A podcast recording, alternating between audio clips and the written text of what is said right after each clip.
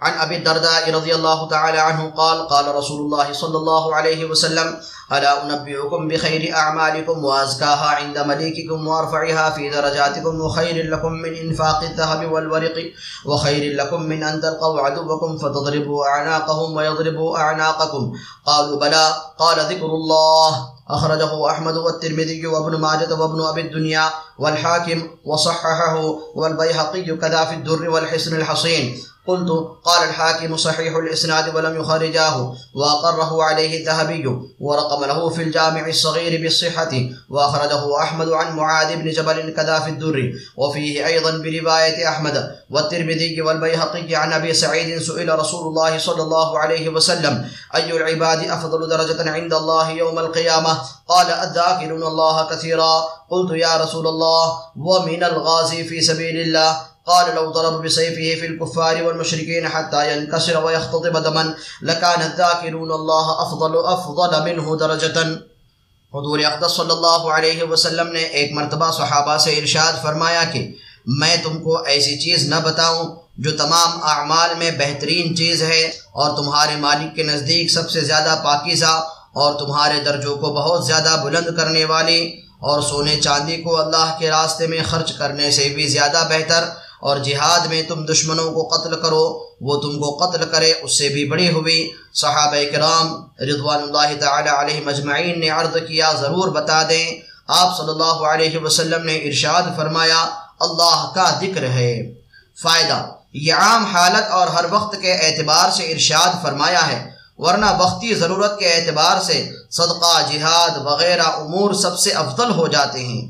اسی وجہ سے بعض احادیث میں ان چیزوں کی افضلیت بھی بیان فرمائی گئی ہے کہ ان کی ضرورتیں وقتی ہیں اور اللہ پاک کا ذکر دائمی چیز ہے۔ اور سب سے زیادہ اہم اور افضل ایک حدیث میں حضور اقدس صلی اللہ علیہ وسلم کا ارشاد ہے کہ ہر چیز کے لیے کوئی صاف کرنے والی اور میل کچیل دور کرنے والی چیز ہوتی ہے، مثلا کپڑے اور بدن کے لیے صابون، لوہے کے لیے آگ کی بھٹی وغیرہ وغیرہ۔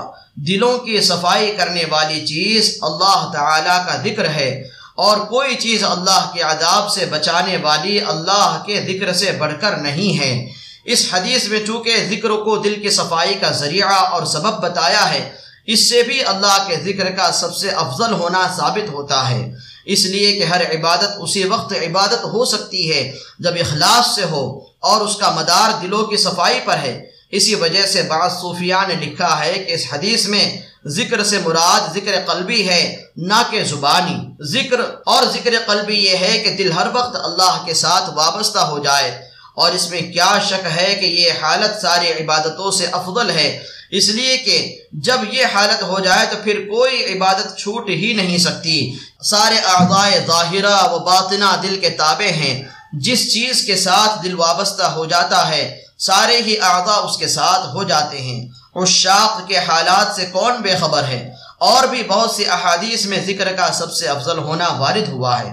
حضرت سلمان رضی اللہ تعالی عنہ سے کسی نے پوچھا کہ سب سے بڑا عمل کیا ہے؟ انہوں نے فرمایا کہ تم نے قرآن شریف نہیں پڑھا، قرآن پاک میں ہے، وَلَذِكْرُ اللَّهِ اکبر کوئی چیز اللہ کے ذکر سے افضل نہیں۔ حضرت سلمان نے جس آیت شریفہ کی طرف اشارہ فرمایا، وہ اکیسویں پارے کی پہلی آیت ہے۔ صاحب مجالس الابرار لکھتے ہیں کہ اس حدیث میں اللہ کے ذکر کو صدقہ اور جہاد اور ساری عبادات سے افضل اس لیے فرمایا کہ اصل مقصود اللہ کا ذکر ہے اور ساری عبادتیں اس کا ذریعہ اور اعلیٰ ہے اور ذکر بھی دو قسم کا ہوتا ہے، ایک زبانی اور ایک قلبی، جو زبان سے بھی افضل ہے اور وہ مراقبہ اور دل کی سوچ ہے۔ اور یہی مراد ہے اس حدیث سے، جس میں آیا ہے کہ ایک گھڑی کا سوچنا کہ ستر برس کی عبادت سے افضل ہے۔